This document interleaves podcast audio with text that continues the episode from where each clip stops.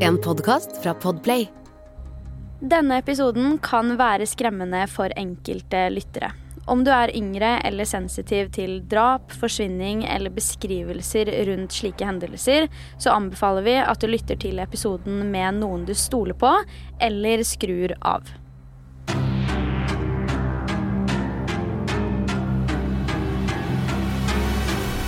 Hei og velkommen til en helt ny episode av Forsvinningsfredag podcast. I denne ukens episode skal jeg ta for meg saken om Monique Daniels, som rett og slett er en veldig forvirrende og frustrerende forsvinningssak. Jeg må jo ærlig si at det er sjeldent at vi kommer over saker som denne, for på mange måter så skiller den seg ut blant forsvinningssakene som finnes der ute. Dette er nok blant sakene jeg er mest interessert i å høre hva du tenker om. Så dersom du har noen tanker etter å ha hørt episoden, så håper jeg at du vil sende meg en melding på Instagram der jeg heter Forsvinningsfredag. Nå, la oss gå inn i saken. Monique Daniels ble født den 16. juni 1976, som gjør at hun i år hadde vært 47 år gammel. Hun er både født og oppvokst i Moore i Oklahoma sammen med moren, faren og sine tre andre søsken. Gjennom hele oppveksten til Monique så jobba faktisk moren i Forsvaret, som ikke nødvendigvis var det vanligste på den tiden for kvinner. I en del forsyningssaker så ser vi jo ofte at offeret stort sett kommer fra et trygt og stabilt hjem, at vedkommende kom fra helt vanlige kår, men det er ikke tilfellet i Monique Daniels sak. Moniques biologiske far var nemlig det mange vil anse som en mann som ikke var egna til å være forelder. Angivelig var han nemlig en veldig voldelig mann, og lot det gjerne gå utover alle barna sine. Monique og de andre søsknene er derfor ikke vant til å ha en trygg og stabil farsfigur i livet sitt, for han var det man vil definere som en fengselsfull. Han var inn og ut av fengsel gjennom hele oppveksten til Monique, og hver gang han hadde sona straffen for hva enn han hadde gjort, så kom han hjem igjen med et enda større sinne, som han da igjen tok utover barna sine. Alt dette skal visstnok ha skjedd bak lukkede dører, og enkelte kilder hevder også at stakkars Monique, i tillegg til fysisk vold, ble utsatt for seksuelt overgrep av sin biologiske far. Til dags dato sitter denne mannen faktisk i fengsel, da som en registrert sexforbryter. Dette i seg selv gir jo ikke akkurat grunnlag for den beste oppveksten, og på mange måter så har jo Monique flere sorgprosesser hun må gå gjennom i forbindelse med den biologiske faren sin. Moren til Monique hun heter Candice, og hun etter hvert endte opp med å skille seg fra den biologiske faren til barna som et resultat av alt det vonde som hadde skjedd. Det tok heller ikke så altfor lang tid før hun fant seg en ny kjæreste heller, og han het Charles Chuck Daniels, men herfra så kommer jeg til å referere til han som Charles. Charles jobba som sersjant i Forsvaret, og som vi vet så jobba jo også moren i militæret. Det gjorde at de begge var opptatt av at det skulle være gode rutiner på hjemmebane. Sammen får Charles og Candice to barn til, som gjør at Monique har tre vanlige søsken og to halvsøsken. Totalt er de seks barn og åtte stykker totalt i husholdningen. Fra rett før årsskiftet til 1992 bor de alle sammen i et stort hus, så man ville jo kanskje sett for seg at det kunne by på en hel del kaos og lite orden. Det er likevel verdt å merke seg at selv om åtte mennesker fint klarer å by på en del kaos fordi de var mange, så var det mye orden i huset pga. jobbene til foreldrene. Det var aldri rotete. Ting lå på plassene sine etter å ha blitt brukt. Det sto ikke matrester i vasken eller på kjøkkenbenken. Og generelt så holdt de god orden. Dersom et av barna ikke oppførte seg eksemplarisk, så ble de irettesatt med en gang. Altså Kaoset disse åtte personene lagde, handla likevel da om krangling mer enn orden i huset. Den ene av søsknene har forklart at Monique og stefaren var de som gikk aller mest i tottene på hverandre. Det forklares at det var ekstremt mye krangling på hjemmebane, men så er jo spørsmålet om man egentlig kan dømme den kommende situasjonen ut ifra kranglingen eller ikke. La meg komme tilbake til det litt senere. Dette er den offisielle beskrivelsen av Monique Daniels, som var 15 år gammel i 1992. Monique hadde langt, krøllete og mørkeblondt hår og blå øyne. Hun var ca. 1,62 høy og hadde normal kroppsbygning. Hun har et arr på utsiden av venstre ankel som ser ut som en halvmåne, og hun har et tre tommers arr på høyre legg. Monique har en føflekk på venstre overside av leppa, og den øvre venstre fortanna hennes er fliset opp. Noen ganger bruker hun blåinnrammede briller, og kallenavnet hennes er Nikki. Til tross for alt Monique hadde opplevd i oppveksten sin med både sin biologiske far og all kranglinga på hjemmebane, så hadde hun fremdeles gode verdier. Hun var snill og ordentlig, hun var hyggelig, og søsteren hennes har forklart at alle likte henne. I et intervju forklarte faktisk søsteren at hun kunne huske at flere gutter i klassen hennes syntes at hun var søt, og at hun var veldig populær blant de aller, aller fleste. I 1992 var Monique som nevnt 15 år gammel, og på dette tidspunktet så ble hun faktisk gravid. Dette falt ikke i god jord hos foreldrene, som da var veldig strenge på alt, og ønsket at alt i familielivet skulle gå på skinner og etter dems agenda.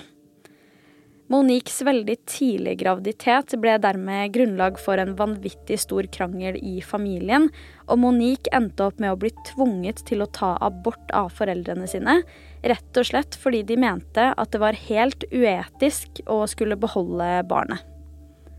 Ut fra hvordan diverse kilder skildrer dette, så virker det ikke som at Monique var helt enig i denne avgjørelsen på noe som helst måte, for hun blir skikkelig lei seg og nedstemt og ender opp med å rømme hjemmefra. Familien hennes visste ikke hvor det ble av henne, men Monique hadde likevel fortalt venninnene sine om alt som hadde skjedd, og søkte derfor ly hos bestevenninna si. Etter å ha vært der en liten stund ble hun imidlertid overtalt til å dra hjem igjen, for hun kunne jo ikke være der for alltid, og på et eller annet tidspunkt så måtte hun jo konfrontere moren og stefaren. I mellomtiden hadde foreldrene lett hver eneste dag etter henne og var bekymra for hva som kunne ha skjedd med henne. Plutselig dukker Monique opp hjemme igjen, og tilsynelatende så går egentlig alt tilbake til normalen. Litt senere det samme året, bare noen uker før Monique fyller 16 år, ble moren og noen av barna invitert bort i en ukes tid på en turné i regi av kirkekoret de var en del av. Søsteren til Monique har forklart at dette var en veldig rar uke, og at moren i denne perioden var veldig stille. Det skal hun angivelig også ha vært under denne turneen. Da de kom hjem fra denne turen, så kom stefaren med en sjokkerende beskjed. Monique er borte igjen. Den samme søsteren som nevnt tidligere, hun heter for øvrig Angelique, og hun har fortalt at foreldrene håndterte dette som at det bare var nok en gang hun hadde rømt, og at hun kom til å komme tilbake igjen om noen få dager. Hun forklarer også at det var noe som ikke stemte helt likevel. Huset deres var jo til vanlig plettfritt, ingen oppvask sto ute, alt pleide å være skinnende rent, men ikke denne gangen. Søsteren har forklart at huset var et rent kaos. Noe som imidlertid gjør dette veldig spesielt, er at det bare tar noen dager eller uker før foreldrene allerede begynner å fjerne Monique fra familiebilder og lignende. I tillegg gikk de så langt at de tok nye familiebilder uten Monique og byttet ut alle de gamle bildene i huset med de nye, som ikke involverte Monique. Akkurat det syns jeg jo selv er vanvittig spesielt. Altså, det er jo for så vidt greit nok at hun kanskje har rømt flere ganger tidligere, men det i seg selv bør jo være en stor indikasjon på at Monique ikke hadde det særlig bra, og at hun heller kanskje trengte hjelp og støtte fra sine nære. I stedet så velger de jo å fryse henne helt ut, og i bunn og grunn fjerner hun fra familien. Det høres jo helt utrolig spesielt ut, kanskje til og med litt mistenksomt ut. Stefaren skal angivelig ha sagt følgende etter utskiftningen av bildene. Der ser du. Er det ikke bedre? Er ikke alt mye roligere nå? På toppen av at Monique ble fjernet fra alle bildene, så fikk også barna beskjed om at Monique, hun skulle aldri snakkes om igjen. Hun skulle bli glemt. I 1993 ringer telefonen til Candice, og det er søsteren hennes Leslie i andre enden. I lang tid har Leslie brukt tiden sin på å etterforske saken til Monique, skaffe mer ressurser til å løse saken, og rett og slett involverte seg veldig i den. Leslie ringer da for å be om nummeret på politirapporten, sånn at hun kunne få informasjonen hun trengte til å kunne rapportere inn saken til databasen for savnede og utnyttede barn. Leslie ville nemlig at informasjonen skulle komme ut, slik at de kunne løse saken med en gang. Candice forteller at hun selvfølgelig skal sende henne nummeret på politirapporten, men det tar ikke lang tid før Leslie finner ut at denne rapporten ikke finnes i utgangspunktet. Moren og stefaren til Monique skrev nemlig aldri en politirapport, fordi de meldte henne aldri savnet. 2.6.1992 var siste gang Monique ble observert, og spørsmålet om nummeret på politirapporten kom rundt et halvt år senere. Et halvt år har gått siden datteren forsvant, og fremdeles er hun ikke meldt savnet til politiet. Ingen vet at Monique har forsvunnet. I samme periode skjer noe som fremdeles gir meg frysninger. En dag får nemlig søsteren til Monique, nemlig Angelique, en telefonsamtale fra det som visstnok skulle være Monique. Monique forteller over telefon at hun har det bra, og at det ikke skulle ta mer enn en ukes tid før familien skulle motta et brev som var poststemplet fra Dallas i Texas. At det er poststemplet derfra, betyr bare at det er der det ble sendt fra, men hun hevdet altså da at brevet skulle være fra Monique selv. Et brev kom kort tid senere, og i september 1993 kom det et nytt brev med oppdatert informasjon. Disse brevene skulle vise seg å lage en storyline, så det første brevet inneholdt litt informasjon, mens det andre inneholdt resten. I brevene forteller Monique at hun har det bra, og at hun er gift med en mann, og de to har fått et barn som heter Chelsea. I brevene står det at de egentlig er bosatt i Alaska, men at de reiser mye fordi jobben hans krever det. Disse brevene er det imidlertid noe rart med. I det ene brevet skriver det som skulle være Monique, at de var skrevet for at moren skulle ha det bra, eller vite at Monique hadde det bra. Hun ville nemlig at det skulle være en trygghet for henne. Tante Leslie tror derimot ikke på dette i det hele tatt, og mener det er totalt usannsynlig at Monique har sendt dette selv, eller at det er Monique som har skrevet dem i det hele tatt. Faktisk mener Leslie at det må være Candice som har skrevet brevene, og ønsker derfor at en spesialist innenfor håndskrift skal se på det. Candice lover nå Leslie at hun skal ta med seg disse brevene til politistasjonen for å kunne få undersøkt håndskriften, men dette ender aldri opp med å skje. Dagen før Candy skal til politistasjonen, skjer det nemlig et innbrudd i Daniels-residensen. Noen møbler var velta, noen CD-er manglet, i likhet med en høyttaler, og beleilig nok, også brevene som angivelig kom fra Monique, var borte. Hvem som brøt seg inn i huset den dagen, er til dags dato usikkert, men dette er jo en tilfeldighet større enn noe annet. Altså, man kan jo kanskje også diskutere hvorvidt det faktisk var en tilfeldighet i det hele tatt. Eller om det kan ha vært planlagt. Er det sånn at det faktisk er Candice som har skrevet brevene, og at hun har forfalsket et innbrudd fordi hun ikke ønsker å ta med seg brevene til politistasjonen? Kanskje fordi hun vet at det er hun selv som har skrevet dem? Er dette et forsøk på å dekke over for noe? Så skjer det noe helt vanvittig i saken som nesten ikke er til å tro. Angelique, altså søsteren til Monique, går imot tanta si og forteller at hun med 100% sikkerhet kan si at det ikke er moren som har skrevet disse brevene. For det har hun nemlig gjort selv. Brevene var falske, og det viste seg at søsteren sto bak dem hele veien.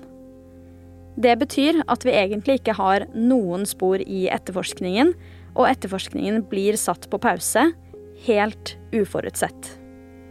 Telefonsamtalene var også like falske som brevene, og ifølge Angelique var det faren hennes som hadde tvunget henne til å skrive brevene, for han hadde nemlig uttrykt at moren hadde blitt suicidal etter Moniques forsvinning. Som du hører, så er det mange ting her som ikke klaffer helt. Hvorfor i all verden meldte de hun ikke savna dersom sjokket var så stort?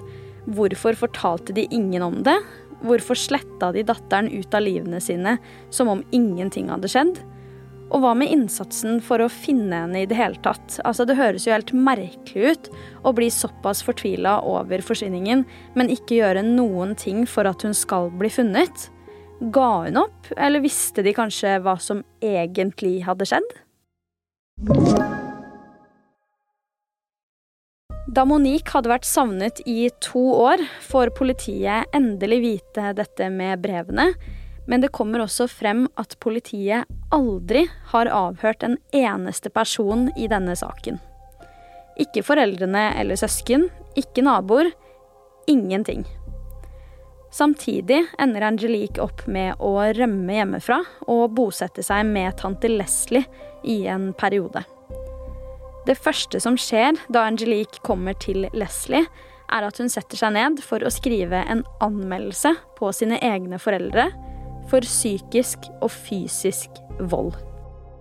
Når det kommer til akkurat dette, så ender faktisk foreldrene opp med å erklære det som heter no contest, som rett og slett betyr at de godtar at de kan få en straff, men ønsker ikke å si at de har gjort det de har blitt sikta eller tiltalt for. Det sies faktisk at å erklære no contest i praksis er det samme som å si seg skyldig. Altså blir det behandlet likt, men at det ikke innebærer en anerkjennelse av hva du har gjort. Jeg personlig tenker jo at dersom du vet at du ikke har gjort det du blir sikta eller tiltalt for, så erklærer du deg vel bare ikke skyldig. En ting som også er helt ufattelig spesielt, er at så fort Angelique rømte hjemmefra og dro til tanta si, så meldte foreldrene hennes savnet umiddelbart. Rundt samme tid melder de også Monique savnet to år etter forsvinningen hennes. Problemet her er jo at de kanskje ikke nødvendigvis bygger en så god sak for seg selv, fordi de rett og slett burde ha meldt Monique savnet da hun faktisk forsvant. I tillegg syns mange at det er spesielt å melde Angelique savnet omtrent så fort hun har gått ut av huset. Vi må tilbake til disse mystiske brevene som var skrevet av Angelique. Hun mente jo at faren hadde bedt henne om å skrive dem for å trøste moren, men i tillegg hadde han sagt at dersom hun fortalte til noen at han hadde sagt det, så kom han mest sannsynlig til å få fengselsstraff. Angivelig så skal han også ha kjørt henne ned til Dallas i Texas for å kunne poste brevene derfra, rett og slett for at brevene skulle være mer troverdige. Tenk å legge inn en så stor innsats i noen falske brev, som kanskje heller bygger opp under at man skal slutte å lete, enn å faktisk lete etter datteren sin. Angelique fortalte jo alt dette til Leslie, og den første tanken som slo henne, var at noe ikke stemte helt med stefaren. Hun tenkte hva hadde han gjort med Monique? Hun tenker jo umiddelbart at han har noe med dette å gjøre. I likhet med Leslie så tror Angelique også i lang tid at det er Charles, altså stefaren, som har gjort noe med Monique, som han nekter å innrømme. Angelique har uttalt følgende. Jeg trodde han hadde sendt henne bort fordi han hadde truet oss med det så mange ganger. Du vet, han hadde steder for jenter som oss. Det var militære skoler for jenter som oss. Det var ikke bare Angelique som anklaget foreldrene for fysisk og psykisk vold. Den yngste broren Andrew gjorde nemlig også det. Noen år etter forsvinningen har han visstnok fortalt til Angelique at han husker dagen Monique forsvant, som om det skulle vært i går. Han uttalte følgende. Jeg husker at jeg hadde en følelse av at noe var galt. Denne dagen tok faren plutselig med seg guttene i familien på en spontan fisketur, som ikke engang skulle være en fisketur. De dro egentlig bare til McDonald's og tilbake igjen men de kjørte to timer hver vei. Det vil si at det var mer enn fire timer der de ikke var hjemme, og noe kunne ha skjedd med Monique. Denne spontane fisketuren fant sted rett etter at han hadde krangla skikkelig med Monique, og dette er det flere i familien som kan gjenfortelle. Guttene får så fortalt at før de kan reise, så var de nødt til å si ha det til Monique ikke unaturlig å stille seg spørsmålstegn ved det. For hvorfor måtte de ikke si ha det til noen andre i huset? Hvorfor sa han spesifikt Monique? I forklaringen til Andrew forteller han at han bare fikk lov til å si ha det til Monique gjennom døra som sto på gløtt, og han forklarer at han bare så henne sitte på gulvet inne på rommet sitt, men at hun ikke sa noen ting. Han bruker adjektivet 'stille' for å beskrive hvordan hun satt og hvordan hun opptrådde. Angivelig utveksla den yngste broren ikke et eneste ord med søsteren sin før de dro, men en annen bror, nemlig Charles Daniels jr., fortalte at han både ga en klem til og snakka med Monique før de dro. Han forklarte til og med at hun var lei seg for at hun ikke fikk lov til å bli med. Andrew forklarer videre at da de kom hjem, parkerte faren bilen i garasjen, og her forlot han ungene sine i bilen. De ble tvunget til å sitte igjen i bilen, og der måtte de bli værende i rundt en times tid. Han forteller at så fort de fikk lov til å gå ut av bilen, så kjente han at han måtte skikkelig på do, så det første han gjorde, var å løpe til badet.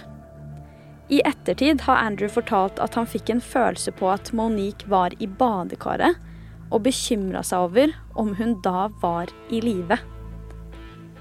Før Andrew i det hele tatt har rukket å komme seg inn på badet, stormer faren inn i huset og tvinger alle ungene inn på soverommet hans. Her holder han de angivelig innesperret i to dager. Det er også enda mer som skal rette søkelyset mot stefaren. Andrew har nemlig forklart at han ikke husker så veldig mye etter at de ble innesperra. Kanskje så er det fordi at det var så dramatisk at han har fortrengt det. Eller kanskje det aldri skjedde. Uansett, ifølge Andrew er det en av de andre brødrene som har fortalt at etter hvert som de ble innesperra, kom plutselig faren inn og tok med seg en av de yngste brødrene. Angelique har forklart at denne broren fortalte at han hadde sittet i bilen til faren sin, og at det eneste han klarte å huske, var en oljetønne bak i bilen. Angelique er overbevist om at Monique befant seg i denne tønna. Etter at Candice og Charles har blitt spurt av diverse medier om sin involvering i saken, anklagene fra barna og lignende, har begge uttalt at Moniques forsvinning er i Guds hender, og at både Angelique og Andrew har rusproblemer, og dermed ikke er stabile kilder i det hele tatt. Både Andrew og Angelique har avkreftet disse anklagene, naturlig nok. Personlig så tenker jeg jo at disse uttalelsene som kommer fra begge sider, gjør det vanskeligere for politiet å kunne gå i den ene eller andre retningen. Foreldrene kan jo på den ene siden ha sagt dette fordi de ønsker å dekke over at de eventuelt har noe med forsvinningen å gjøre. På lik linje kan de jo ha sagt det fordi det faktisk stemmer at barna deres er ustabile kilder. På samme måte kunne jo Andrew og Angelique nekta for rusavhengigheten uavhengig av hvor sant det var, samtidig som det er like sannsynlig at det faktisk stemmer. Uttalelsene blir jo dermed bare ord mot ord, og det er på mange måter 50-50 hvem som egentlig snakker sant. Disse faktorene gjør at politiet ikke har kunnet gjøre så mye med denne saken heller. Vi hører jo hvor mye kaos det har vært i denne saken allerede fra før hun i det hele tatt forsvant, men spesielt i kjølvannet av forsvinningen. Det er heller ingen spor å gå etter, og politiet hevder også at de har for lite å gå på til å kunne etterforske saken som en drapssak. Det er også verdt å merke seg at i dag, i 2023, har Monique Daniels fremdeles status som savna, og det har hun hatt i over 30 år. Likevel har politiet fått flere tips om hvor hun eventuelt skal ha blitt gravd ned og lignende, og et av stedene var visstnok i hagen til Daniels-familien. Politiet klarte imidlertid ikke å finne henne i hagen, men jeg tenker også at hvis det var foreldrene som sto bak, så hadde de vel ikke gravd henne ned i sin egen hage. I dag bor foreldrene Candice og Charles i et hus i Florida i USA, men de flytta hit etter å ha bodd i Tyskland i ca. ti år. Dit flytta de faktisk sammen med Andrew, og det var da de bodde i Tyskland at anklagene mot foreldrene kom. I dag ønsker ikke foreldrene å uttale seg om saken på noe som helst måte, eller kommentere på den i det hele tatt. Det er jo også helt enormt mye som peker i retning av stefaren spesielt, og det er jo også rart at han heller ikke ønsker å uttale seg om saken. Altså, disse foreldrene har virkelig avfeid det hele og gjort alt i sin makt for å behandle saken som at det aldri skjedde. Denne saken er jo helt ufattelig forvirrende, og jeg må si at jeg syns det er frustrerende å prate om en sak som ikke har noe annen ending enn at foreldrene ønsker å glemme at det noen gang skjedde. Det er så ufattelig mange mistenkeligheter her, så mange anklager og et familieliv som bare rakna. Så mer enn noen gang så er jeg ufattelig interessert i å høre hva du tenker om denne ukens sak. Hva skjedde egentlig med Monique? Hadde stefar noe med det her å gjøre? Og hvordan er det mulig at politiet hadde såpass få spor å gå etter at til og med de omtrent bare har glemt saken? Det er trist, for stakkars Monique Daniels fortjente så mye bedre enn å bli glemt helt uten videre av ikke bare familien sin, men også av rettssystemet og politiet. Du har hørt Forsvinningsfredag podkast med meg, Sara Høydahl. Tusen takk for at du har lytta til episoden. Vi er tilbake med en helt ny allerede neste fredag. Og i mellomtiden, ta vare på deg selv.